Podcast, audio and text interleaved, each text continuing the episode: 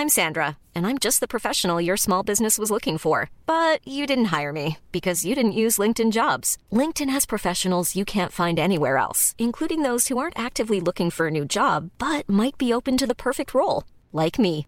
In a given month, over 70% of LinkedIn users don't visit other leading job sites. So if you're not looking on LinkedIn, you'll miss out on great candidates like Sandra. Start hiring professionals like a professional. Post your free job on linkedin.com/people today. Burrow is a furniture company known for timeless design and thoughtful construction and free shipping, and that extends to their outdoor collection.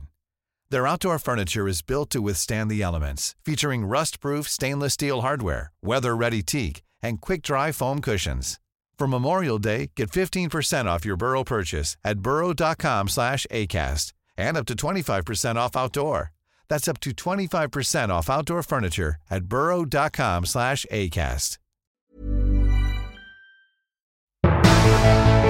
Hvordan omtaler norsk presse det norske forsvarets rolle i Afghanistan-krigen? Blir historien om Norges innsats i operasjonen korrekt og nyansert fortalt av mediene?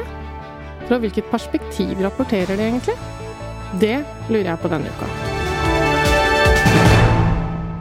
Anders Hammer, velkommen. Takk for det. Du er uh, uavhengig journalist, kan jeg vel kalle det. Forfatter og filmskaper. Eh, noen av oss kjenner deg jo fordi du har laget veldig mye om Afghanistan. Du har bodd i Afghanistan i mange år, fra 2007 til 2013, og etter det har du vært der veldig mye. På reportasjereiser, og, og du driver også nå og jobber med et prosjekt eh, hvor du har materiale som du hentet inn eh, i en periode hvor alle andre journalister hadde reist ut. Og da snakket vi deg med utover mediekjør. Velkommen. Takk for det. Ja, nå er du hjemme i Norge. Hva er det du driver med? Nå driver jeg med etterarbeid, eller en form for etterarbeid. Jeg har da gått i gang med et dokumentarprosjekt hvor jeg følger utviklingen i Afghanistan etter at Taliban tok over. Mm. Og har vært der i to lengre perioder og gjort opptak, filma. Så nå driver jeg og går gjennom opptakene og forbereder retur da til Afghanistan. Jeg kommer til å fortsette med å reise litt sånn fram og tilbake da gjennom dette året også. Kommer man seg lett inn der nå? Er det Nei, det var et kjempeproblem da jeg dro inn i august i fjor, og for så vidt uh, andre gangen også, da jeg dro tilbake igjen i november. I august så måtte jeg dra via Usbekistan.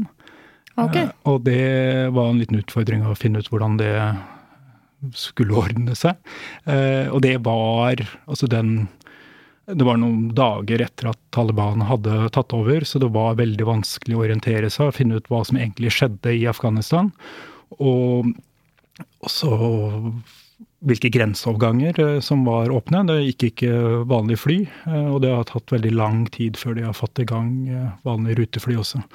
Eh, Så, men jeg eh, kom meg inn, men eh, logistikken var veldig annerledes, og det er vel det som er et av hovedinntrykkene mine etter å ha vært der noen ganger nå, er at alt oppleves som veldig annerledes enn det Afghanistan jeg kjente. Mm. Og jeg føler også det er min oppgave da som journalist å bli bedre kjent med da forholdene nå på bakken, fordi det er noen fundamentale endringer der som kommer som konsekvens av at det er Taliban som styrer landet. Taliban er ikke noe normal eh, statsmakt. Altså de driver, eta, driver og etablerer et fundamentalistisk styre som er annerledes på veldig mange måter enn sånn Afghanistan ble styrt før. De er ganske gode på PR òg, er det ikke det? Jo, de har i hvert fall blitt mye bedre enn det de var eh, forrige gang de styrte i Afghanistan. Ja. eh, Hvor de framsto som ekstremt eh, brutale og måte evneveike i kommunikasjonen med resten av verden. Mm. Der er de annerledes i dag. Eh, Men så er det også ganske stor forskjell på Taliban på bakken. Eh, Det er en eh, jeg opplever det som veldig annerledes å være i Kabul og møte de offisielle representantene deres nå, og for så vidt også ute i provinsene, mm. hvor de har folk med medieerfaring som har fulgt nyhetsdekningen i hele verden. Eh, og en del av de har også delvis vokst opp i utlandet, eh, så de har eh, De vet mye om resten av verden.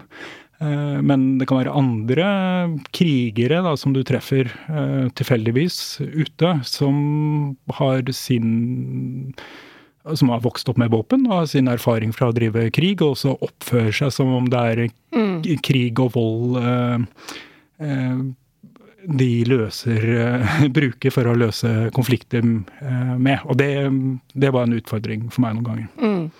Vi skal tilbake til det. Men jeg blir jo veldig nysgjerrig når du sier 'jeg kom meg til slutt inn'. Altså, da ser jeg for meg at du har måttet, eh, hva skal jeg si, til fots i mørket eh, krysse en eller annen grense med, i farlige eh, omgivelser. Eh, jeg vet ikke hva du kan snakke om og ikke snakke om. For sist jeg intervjua deg, så var du jo der inne og, og opplevde at du måtte ta liksom, veldig hensyn til din egen sikkerhet. Men eh, altså, er det Må du Hvordan foregår det? Ja, altså Sist gang vi snakket sammen, så var jeg også litt forsiktig fordi jeg ikke har lyst til å snakke om hva jeg faktisk har opptak av. Og det er noen av de opplevelsene jeg hadde som jeg ikke har lyst til å snakke om før vi publiserer filmen. Mm. Uh, og, og, det, vil da bli en dokumentarfilm? Det blir en dokumentarfilm. Mm. Uh, og det uh, Den forrige dokumentaren jeg lagde fra utlandet, var Hongkong. Der var bortimot ikke noen debatter før den ble publisert. Eh, og det har mm. noe med hvordan du legger fram historien. Ja, og det er da den prisbelønte Do Not Split-filmen som, eh, som, du har laget eh, om opptøyene i Hongkong i 2019. Ja. ja. Uh, nei, jeg, jeg, gikk jo faktisk til fots inn i Afghanistan. fordi det var ikke noen annen måte å komme seg inn. Okay. Uh, så jeg kryssa den grensa uh, til fots. Eh, og ble da tatt imot eh, på afghansk side av talibanere. Eh, de var i ganske godt humør. Mm. Og det gjaldt jo veldig mange av de jeg traff også på den tida, fordi de nettopp følte at de hadde vunnet krigen. Men jeg hadde også en del veldig ubehagelige opplevelser, spesielt de første ukene. Fordi det var så kaotisk, og det var veldig lite som var på plass. Og veldig mange av de som hadde kommet inn i byene fra, fra felten, de kom rett fra, fra krig. Og mm. de hadde jo de hadde jo tatt over by etter by i den perioden før, så at de var litt sånn fortsatt i krigsmodus. Mm. Eh, så det var eh, Det var eh, ja, veldig spent, da, for å si det men, men, er det annerledes da at du ikke er en journalist som representerer la oss si NRK eller VG, uh, at du er en uavhengig journalist. Uh, gjør det det lettere for deg å ha avtaler med den type kilder som du åpenbart da har, tror du? Eller altså, har de et annet forhold til deg fordi de kjenner til ting du har gjort før, opplever deg som en objektiv, eh, en som er interessert i å høre på dem osv. Hva tenker du om det? Altså, er dine erfaringer Nei, jeg, jeg skal være forsiktig og snakke øh, og i hele tatt kritisere og snakke på vegne av andre journalister, for jeg kan snakke på basis av hva jeg har gjort uh, selv. Mm, eh, men du har også jobbet i mediehus før, ikke sant? Jo da, jo da. Og jeg har jobbet, jobba, lagd masse dokumentarer for NRK. Jeg, mm. Og det ville f.eks. vært forskjell annerledes det om jeg hadde reist inn for NRK enn ja, For det hadde du ikke fått lov til? Antagelig ikke på det tidspunktet jeg reiste Nei. inn. Nei, det tror jeg ikke. Eh, for det var ingen andre nordmenn som var Altså, de dro ut, de andre journalistene som var der. Sant? Og de ble evakuert samme dagen jeg dro, dro, dro ja. inn, så kom de ut. Jeg husker det var bare fordi, for du som hører på som ikke nødvendigvis husker detaljene, så var det jo sånn at uh, Fredrik Gressvik, som jeg er vant til å se på skjermen på TV 2, og Yama Wodasmal fra NRK, som vi også er vant til å se, som er utenrikskorrespondent, de rapporterte jo, det var mye drama som vi har hørt om i nyhetene, og så ble jo de evakuert ut. for da kan jo ikke arbeidsgiveren deres eh, stå til ansvar for deres sikkerhet. Men du har jo ingen å svare til på den måten, så du tar ansvar for deg selv. Ja, men jeg var ikke den eneste journalisten som var i Afghanistan. Det var mange andre utenlandske journalister der. Mm. Eh, så, og det, vi er et veldig lite land, så det er jo det er veldig ofte få nordmenn ute når jeg er på tur. Eh, for meg så var det ikke noe viktig om det var andre nordmenn der. Eh, jeg har bodd i Afghanistan lenge og stolte på mine egne erfaringer derfra. Det var det som var det avgjørende da mm. jeg dro inn der. Hvilke vurderinger jeg gjorde. Eh, det som hjalp meg, sånn tilbake til det forrige spørsmålet, at jeg, jeg lagde en dokumentar for jeg tror jeg gjorde intervjuene i 2015, hvor jeg reiste rundt og møtte talibanere i felt og gjorde en form for nesten akademiske intervjuer. hvor jeg hadde et langt skjema med masse spørsmål hvor jeg ville bli kjent med dem. Og mm. høre om hvordan de hadde vokst opp, og hvilke perspektiv de hadde på verden, og hvordan de ble rekruttert, og hvordan de så for seg framtiden i Afghanistan. For det er på en måte vi var forberedt på at de kom til å komme til makten på et tidspunkt. Det var spørsmålet om de kom til å måtte dele makten med det tidligere styret, eller om de kom til å ta over helt. Eh, og så ble alle overraska over hvor fort det gikk, og hvordan de nå har herredømme da, i, i Afghanistan. Mm. Eh, så jeg, jeg, tror de erfaringene jeg hadde med å møte dem, og ha møtt dem en del ganger før, det var absolutt til hjelp da jeg dro inn. Mm. Eh, men det, ga ikke, det var ikke noen garanti for at jeg ikke kom til å få problemer. Eh, fordi jeg hadde, jeg hadde, møtt dem en del. Nå ler jeg litt, da, fordi jeg husker litt sånn hvordan de ukene var. Eh, og det, det, var en sånn enorm usikkerhet. Og det, det er nesten vanskelig å forklare hvordan situasjonen var, men eh, amerikanerne hadde en deadline på 31. august for å trekke seg ut av landet. Og innen 31. Eh, august så vil de få ut flest mulig av utlendingene som var i Afghanistan, og også flest mulig av dem de ser på, altså da allierte, altså folk som hadde jobba for mm. utenlandske militære eller ambassader eller utenlandske organisasjoner. Eh, og det har vi også sett i norske medier. Altså afghanere som hadde jobbet for Ja, for mm. tolker f.eks. Da. Ja. Tolker som, da vi også så i Norge, vi har tolker da som har jobba for det norske forsvaret, som man da prøvde å, å få ut. Mm. Eller andre i an, eh, andre tidligere ansatte. Det var en sånn rengjørings... Um, renholder og, og, og ja, forskjellige sånne logistikkoppgaver. Uh, også, eller som på en annen måte hadde tilknytning til norske myndigheter. Uh, der var det et sånt enormt hastverk for å få ut flest mulig mm. i Kabul. Det var jo ikke forberedt den kjempeevakueringen de prøvde på. Mm. Uh, og det var en sånn veldig ubehagelig stemning rundt flyplassen i Kabul, mm. der uh, Taliban um, hadde tatt over vaktholdet, og veldig desperate mennesker som var livredde også for å bli drept, prøvde å komme seg inn på flyplassen. Uh, og det, det, var de første ukene uh, som jeg var i Afghanistan. Uh, og så en, begynte det å endre seg utover i i september, og nå i november og desember så er situasjonen mm, veldig annerledes enn sånn det var først. Eh, og sånn er det vel eh, som regel etter kupp eller eh, andre former for maktovertagelser mm. eller, eller krig. At den første perioden er den mest usikre. Det er, det er, farlig på mange måter i Afghanistan i dag også. Det er veldig mye som er uklart fortsatt. og det er mye Taliban gjør som er i strid med internasjonale menneskerettigheter. Men mm. Eh, situasjonen er annerledes i dag. Ja. Eh, når man ser på noen av de filmene som du har laget Jeg kan legge ut en liste over dem eh, for de som er interessert i å se på dem, på Facebook.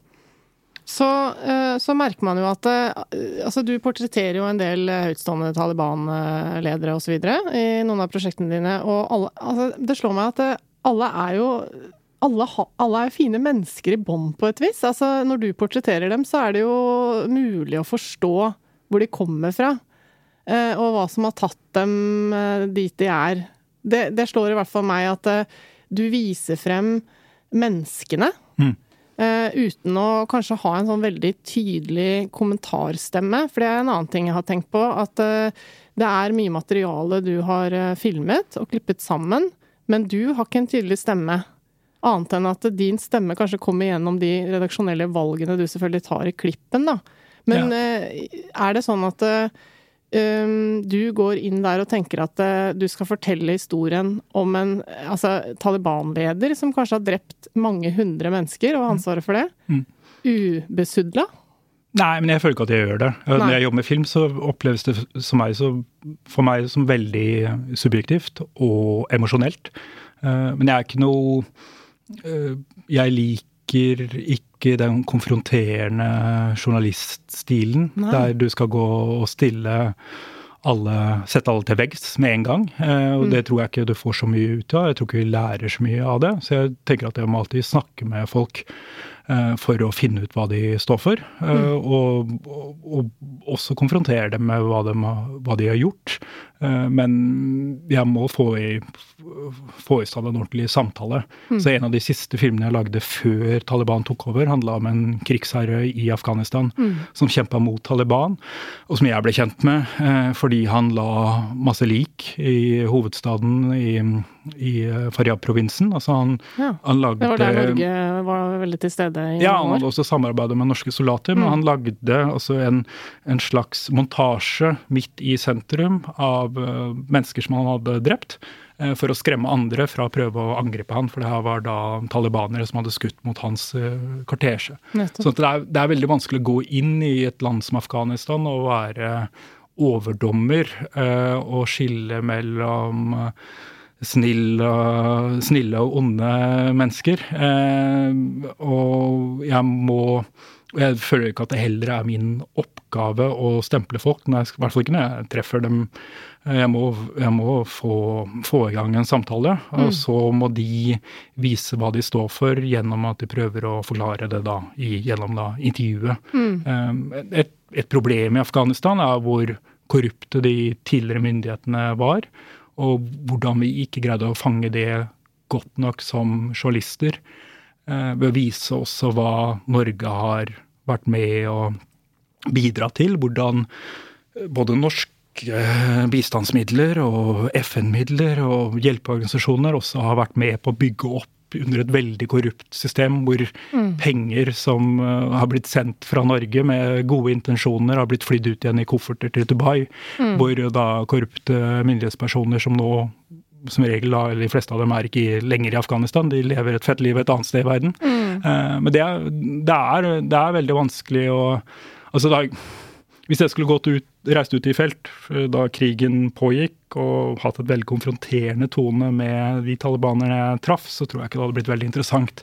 Kanskje hvis jeg sto foran kamera og tøffa meg, så kunne det blitt spennende, men jeg, for meg så ville det vært meningsløst da. Ja, det er akkurat det. For jeg sitter med en følelse av da at eh, det derre journalistiske instinktet som er å stille kritiske spørsmål i enhver sammenheng, mm. det er jo jobben til journalisten ofte. Mm. At det kan kanskje stå litt i veien for å rapportere i den type krigssoner, fordi man da ikke kommer til? Altså Ville ikke du eh, satt deg selv i fare ved å være nei, det, ikke? Nei, og det, det, vil jeg presisere, for jeg stiller kritiske spørsmål. Jeg bare ja, klipper okay. vekk. Ja. så, så det, jeg opp, så de vet hvor du står, ja, eh, tror ja, du det? Ja, og det tror jeg absolutt. Altså, ja. Jeg presenterer meg ikke som en vestlig sympatisør med Taliban når jeg drar ut for å treffe dem. Nei. Det jeg er opptatt av, er å forklare min rolle som journalist. Jeg forklarer at jeg ikke ikke jobber for militæret, og at jeg ikke jobber for norske myndigheter. Ja, Det er viktigere kanskje? ja? Ja, kjempeviktig. Ja. Fordi, og det er jo sånn, det blir, det dobbeltsjekker de også, og det opplevde jeg også da jeg var i Irak og Syria. At de begynner bare å google deg og finne ut hva du har gjort. Ja, så eh, sånn sett så er track recorden din eh, eh liksom Jeg er glad for at jeg bare har drevet med journalistikk. Eh, ja. For det har blitt så mye tydeligere. Det var nok annerledes før, men det tar jo veldig kort tid for dem å sjekke mine sosiale medieprofiler og, og google meg og finne saker jeg jobber med. Ja. Så hvis du dukker opp bilder av meg i uniform da, så har jeg et problem. ikke sant? Ja, nettopp. Hm. Men du, eh, fortell eh, om eh, en dag når du da kommet deg inn i Kabul, da antar jeg at du dro til først.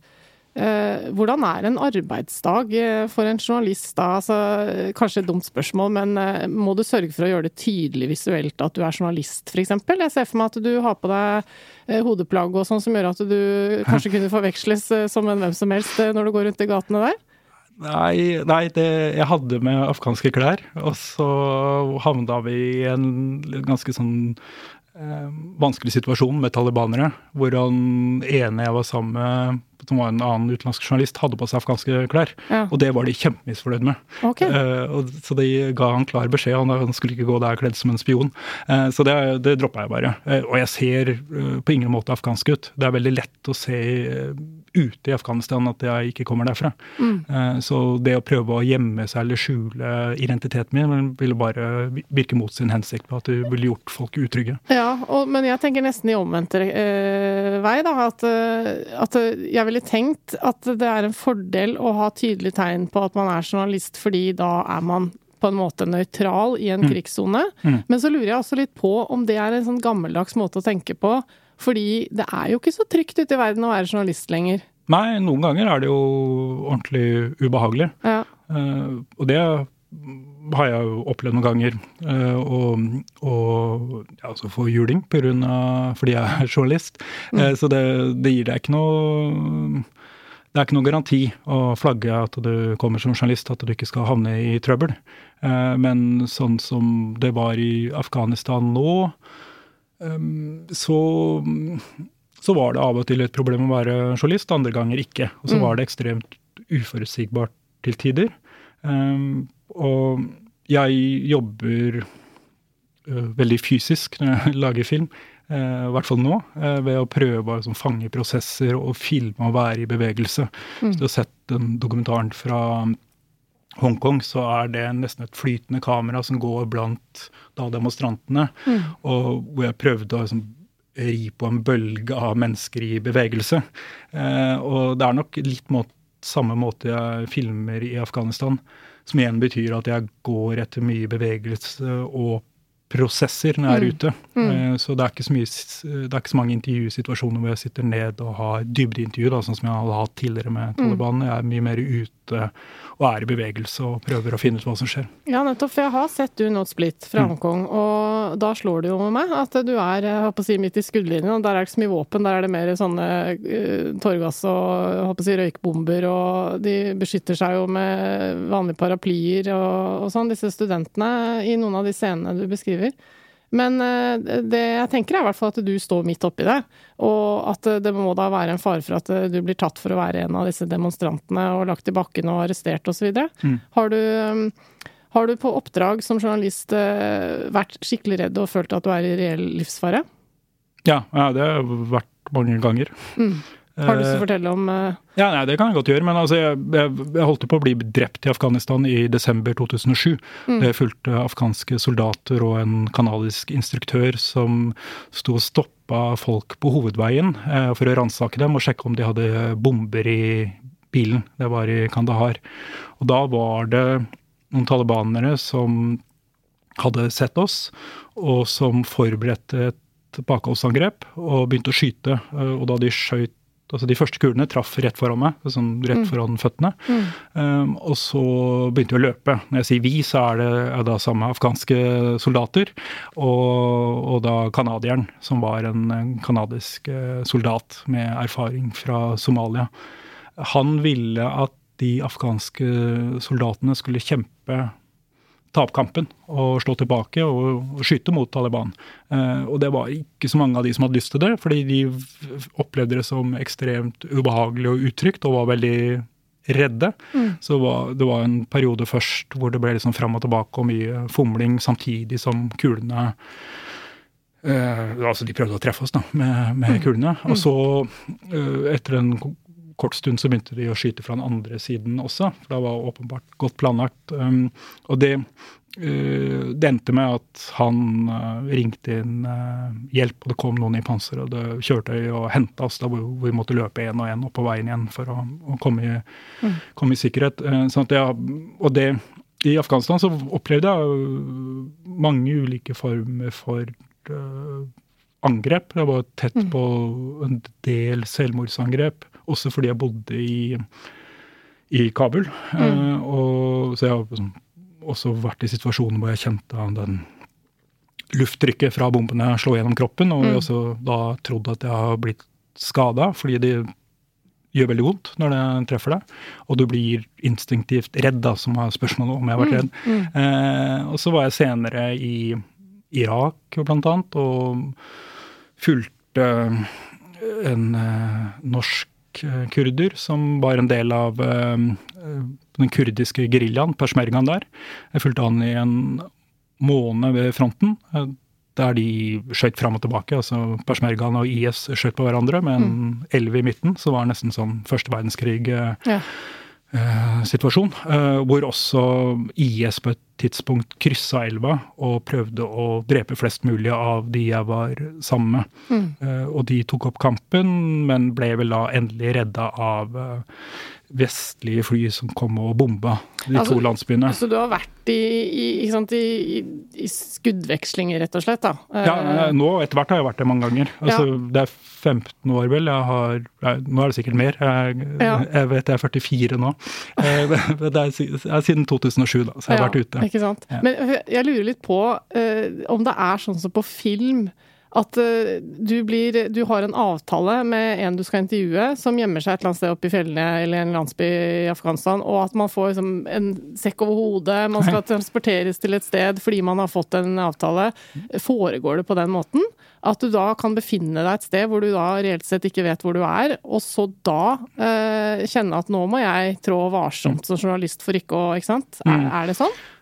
Eh, noen venner har vært ute på den type uh, oppdrag. Altså, mm. Det har vært utenlandske journalistkolleger. Jeg har mm. aldri opplevd det. Uh, men jeg har jo vært i en del eh, spente situasjoner hvor jeg F.eks. da vi lagde eh, dokumentaren om Taliban i 2015, og jeg kjørte rundt da i Sør-Afghanistan bl.a. Og, mm. og traff ulike soldater og Eh, kommandanter. Eh, da var det Da kjente jeg på en uro i kroppen da mm. vi kjørte inn i områdene som de kontrollerte. Mm. Også fordi jeg hadde vært der med utenlandske mm, soldater eh, tidligere.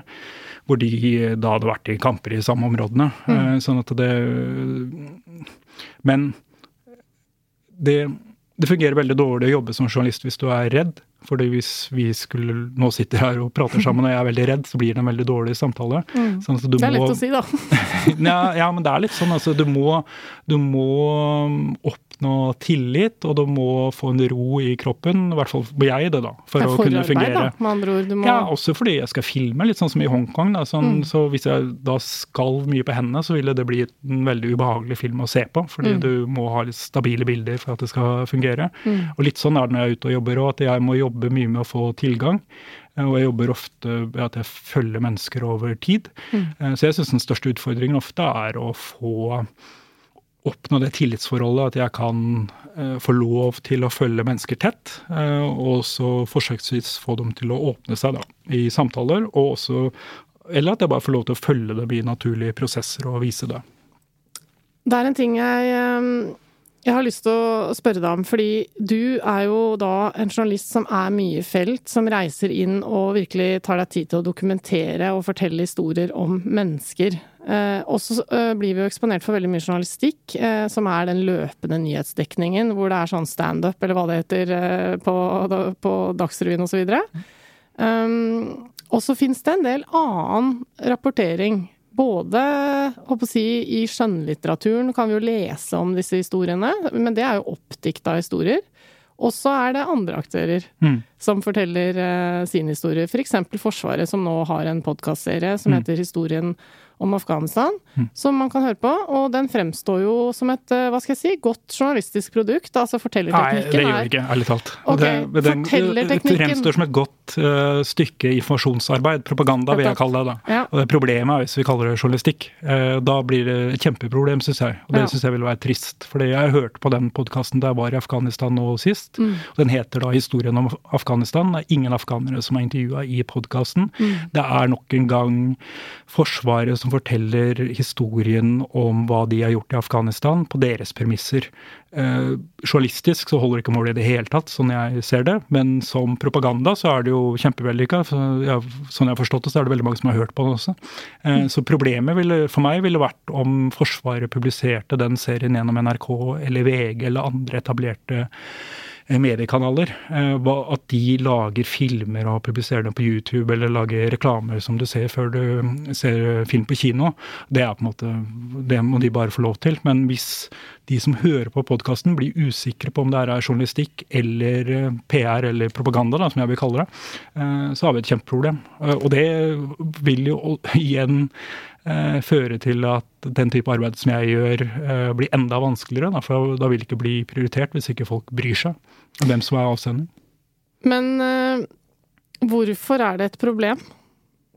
Fordi det er totalt ukritisk. Det er fortalt Det er nok en gang Forsvaret som forteller en unyansert historie uten kritiske røster om hvor mye flott de har fått til i Afghanistan. Ja, for dette er en historie fortalt fra soldatene, de norske soldatene i Afghanistan sitt ja, perspektiv. Ja, veldig nært. Mm. Er, og da er det vanskelig å kritisere det, for selvfølgelig så blir du emosjonelt berørt av nære historier, også når det er historier om soldater som har blitt drept i, i felt. Mm. Eh, og synes jeg, Da syns jeg det er vanskelig igjen å, å kritisere, fordi da, på, da, kan du også risikere å fornærme pårørende. Mm. Eh, sånn det, uh, og det er veldig viktige historier som skal fortelles.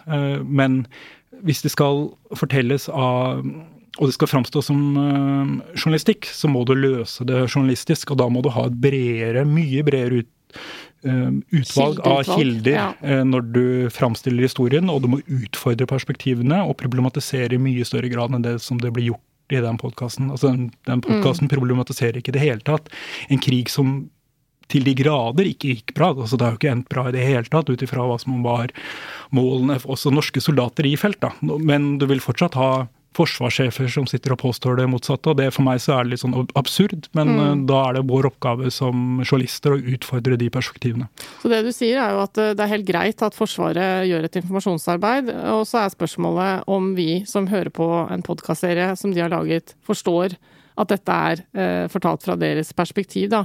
Ja, og så er det vårt ansvar som journalister å drive journalistikk og jobbe kritisk og uavhengig, selv om det fort kan sånn, høres sånn flåsete ut. da, Vi skal sitte og snakke om det på den måten her. Men det er, og, og sånn jeg ser det, så er det hvis man er misfornøyd med journalistikken eh, om krigen i Afghanistan, så er det medienes ansvar. Det er ikke Forsvarets skyld eh, mm. at eh, det er blitt sånn. Eh, de har gjort et veldig godt stykke informasjonsarbeid, helt sikkert fra deres perspektiv. Eh, jeg har problemer med hvordan de eh, av og til eh, stengte tilgangen for meg da jeg var i felt. Og mm. da jeg jobba med saker som var vanskelig og ikke kom til de kildene i Forsvaret fordi de åpenbart gjorde vurderinger på informasjonssida de ikke ville ha ha eh, historien fortalt på den måten som jeg uh, var i gang med. Da. Ja, for vi to, Anders, har jo denne uka her uh, vært med i en debatt i regi av Kantar, som er et Medietrender, hvor vi faktisk diskuterte dette temaet her litt, og hvor Kristine Hellesland fra Forsvarets mediesenter var til stede. La oss høre litt hvordan hun svarer på spørsmålet om hvorfor de lagde denne podkasten. Vi lagde denne podkasten fordi vi hadde lyst til å fortelle om det oppdraget norske styrker fikk eh, for 20 år siden, og om hvordan eh, det norske forsvaret har løst dette i løpet av eh, de 20 årene. Og så ønsket vi å fortelle historien primært gjennom stemmene til enkeltsoldater.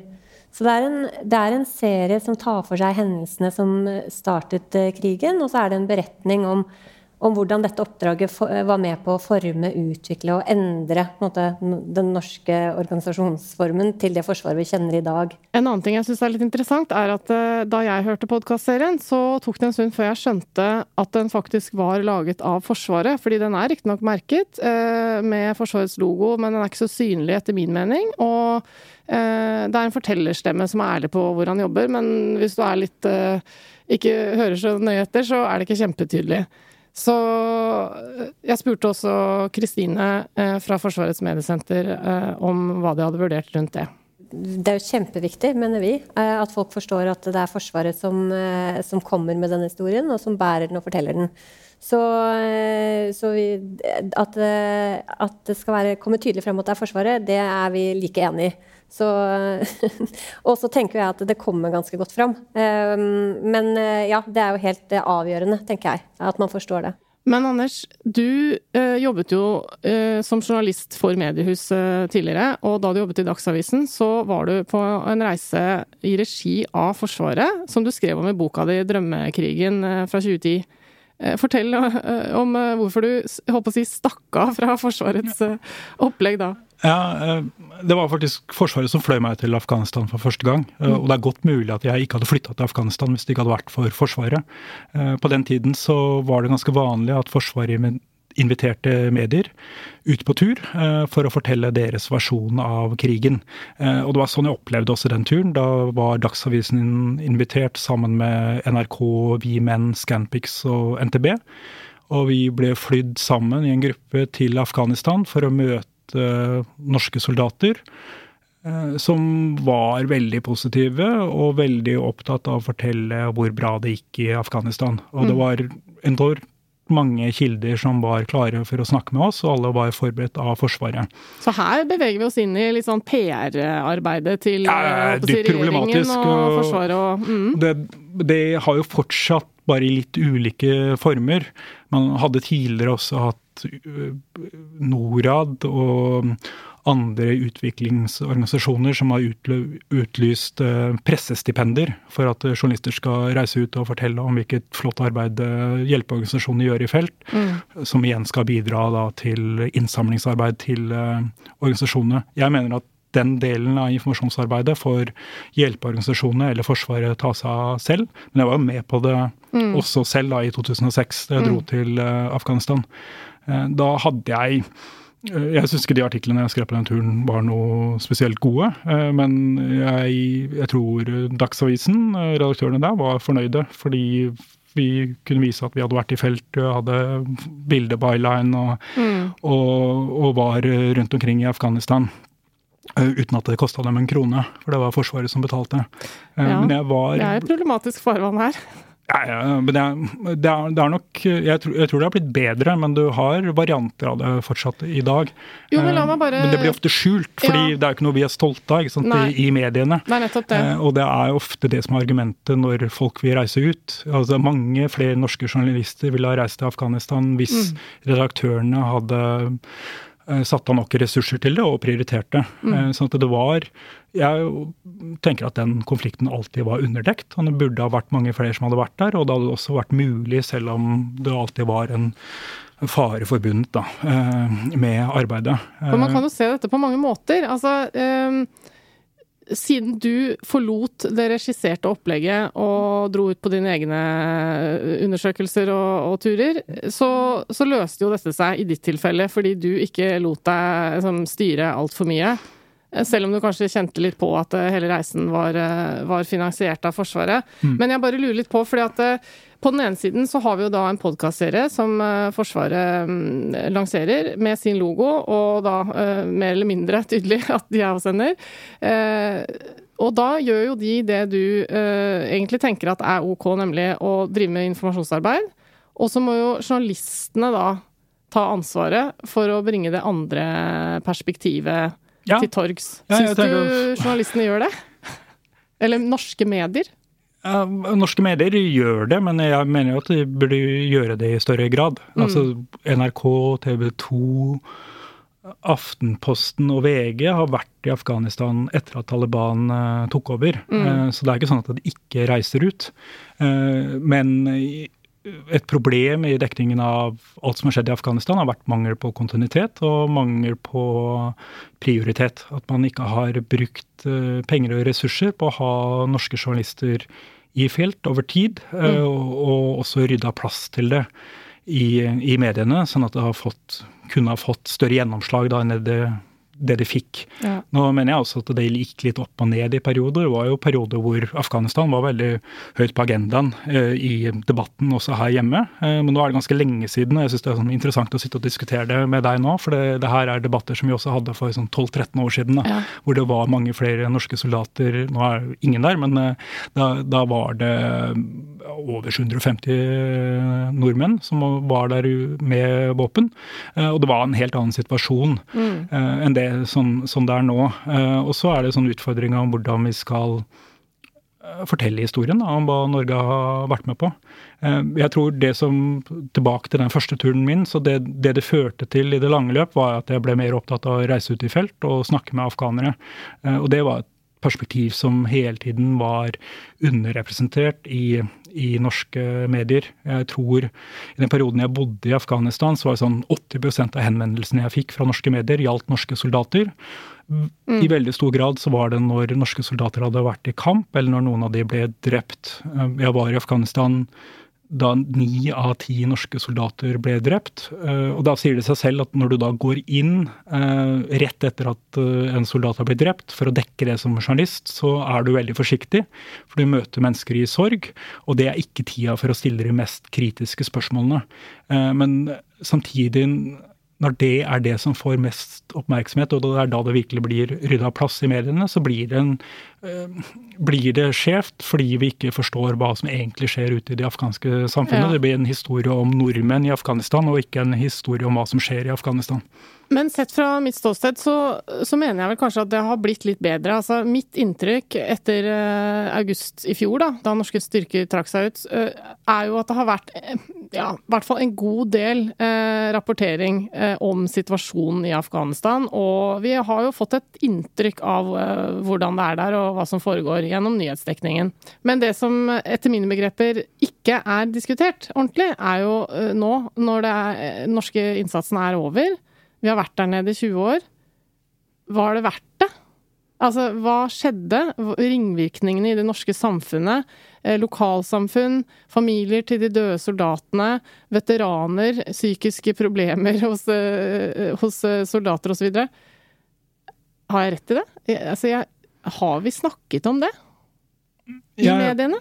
Jeg syns et problem med å drive mediekritikk, da, som dere driver med i podkasten, er at man eh, nesten alltid, hvis man kommer, kritiserer eh, journalistikk det er, det er en oppgave som er utrolig vanskelig i seg selv, fordi journalister stort sett blir veldig sinte og fornærma veldig fort. Så det blir Ja, en veldig det dårlig, det blir en veldig dårlig debatt. Ja. Og det blir jeg også. Jeg blir, det er min eh, spontane reaksjon ofte på kritikk, er jo at jeg blir jo ikke blid. Eh, og det, der er vi kjempedårlige.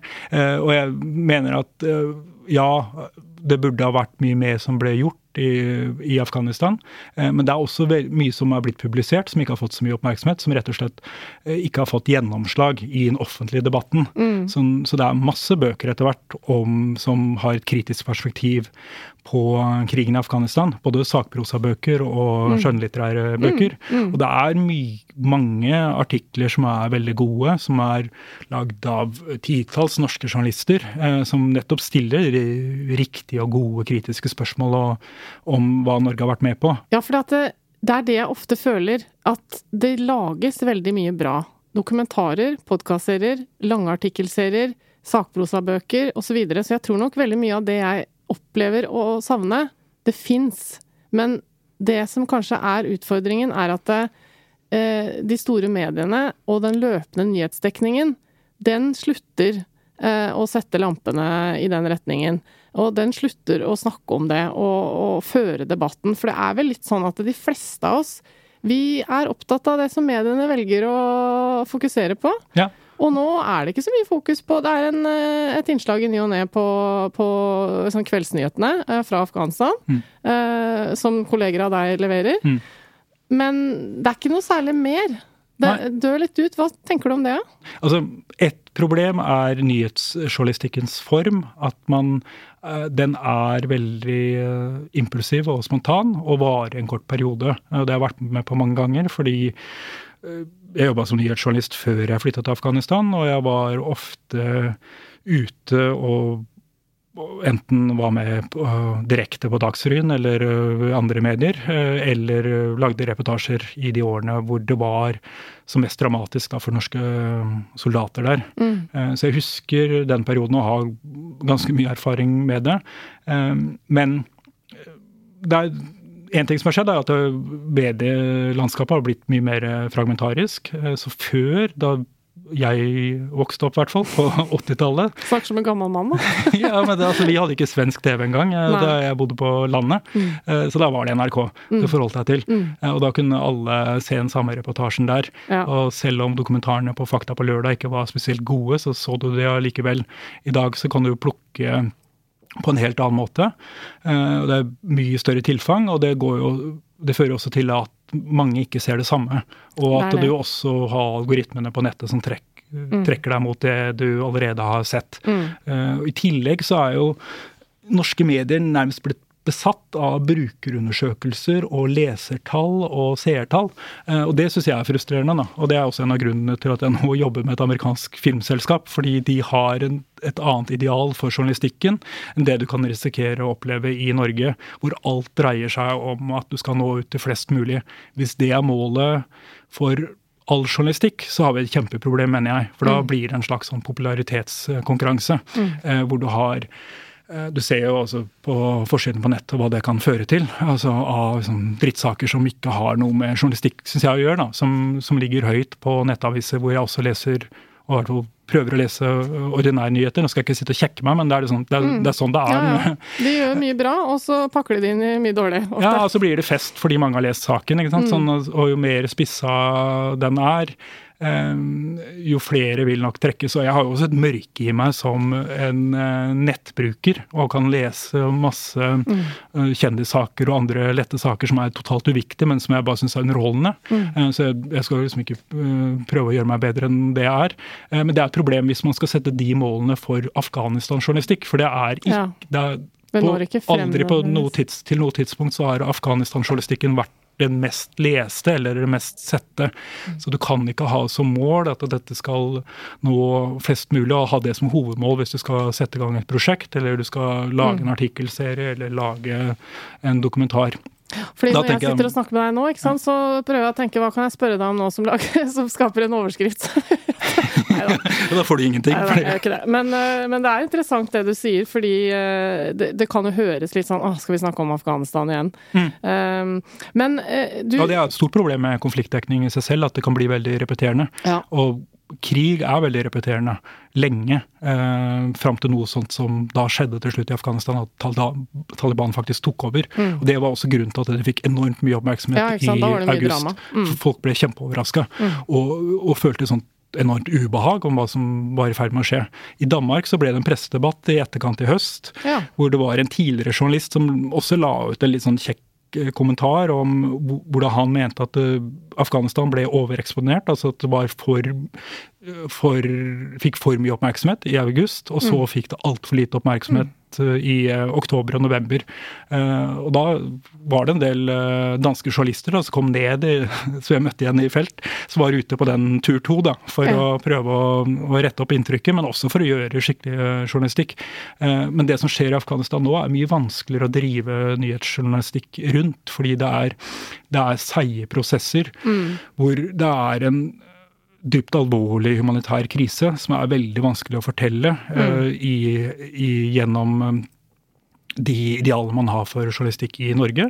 Fordi det ikke dreier seg om nordmenn, det dreier seg om uh, mm. lidende mennesker som vi ikke snakker samme språk ja. som. Mm.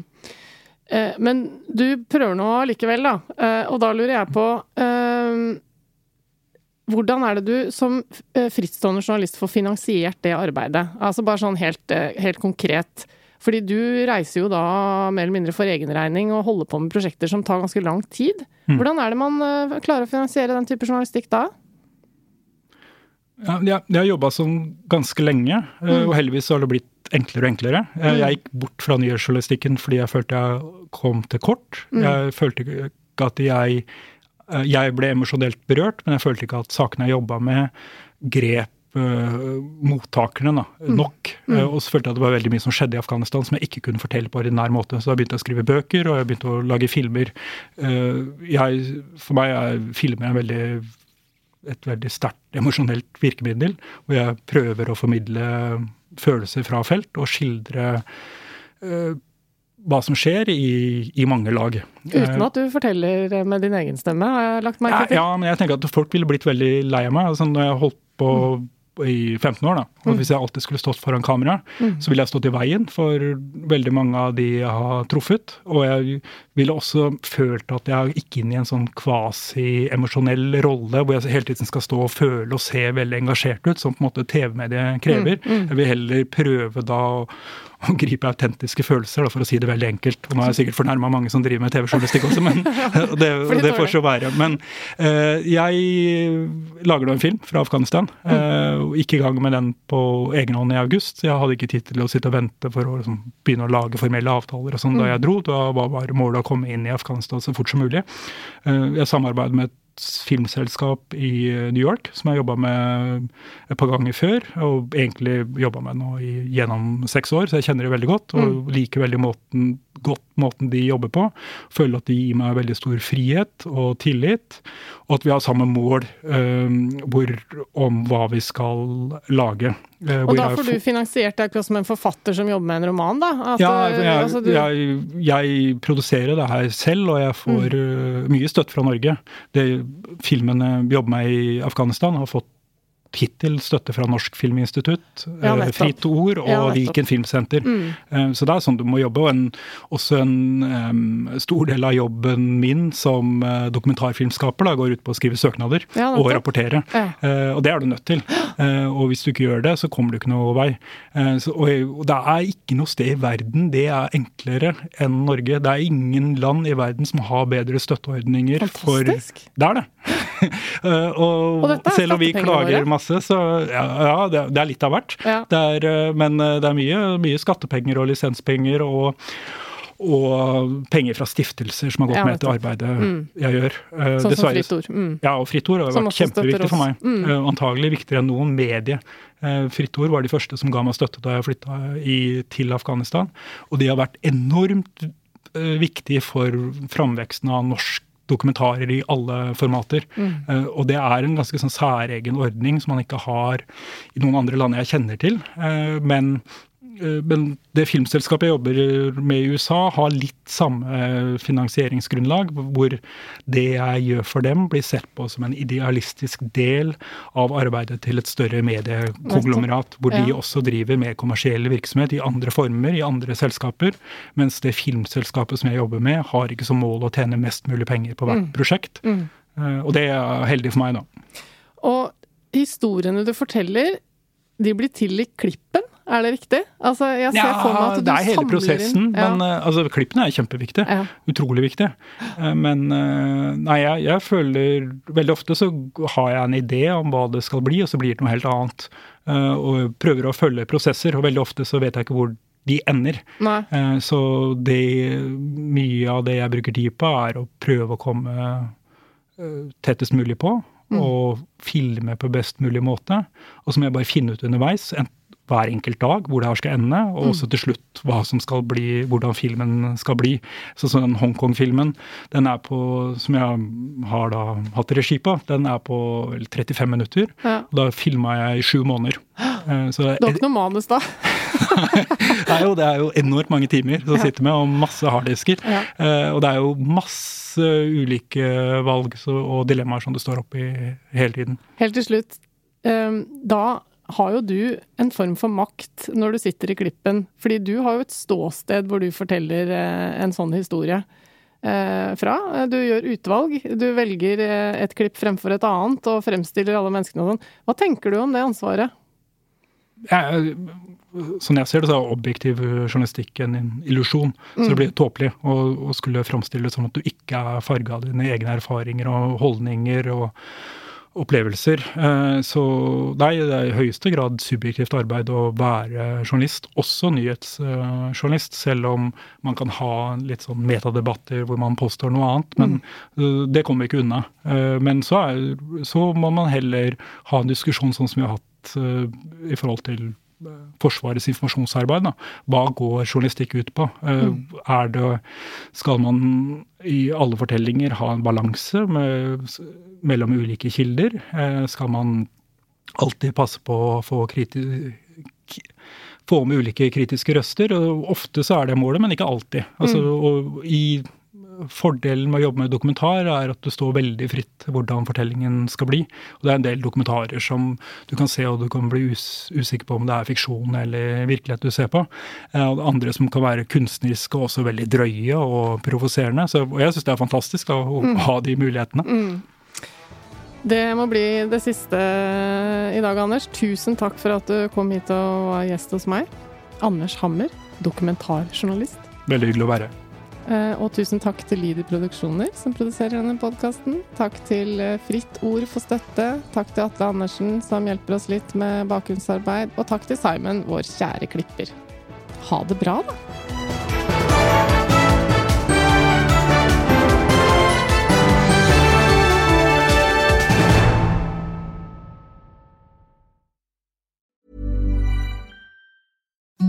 Imagine the softest sheets you've ever felt. Now imagine them getting even softer over time. That's what you'll feel with Bowl and Branch's organic cotton sheets. In a recent customer survey, 96% replied that Bowl and Branch sheets get softer with every wash. Start getting your best night's sleep in these sheets that get softer and softer for years to come. Try their sheets with a 30-night guarantee. Plus, get 15% off your first order at bowlandbranch.com. Code BUTTERY. Exclusions apply. See site for details.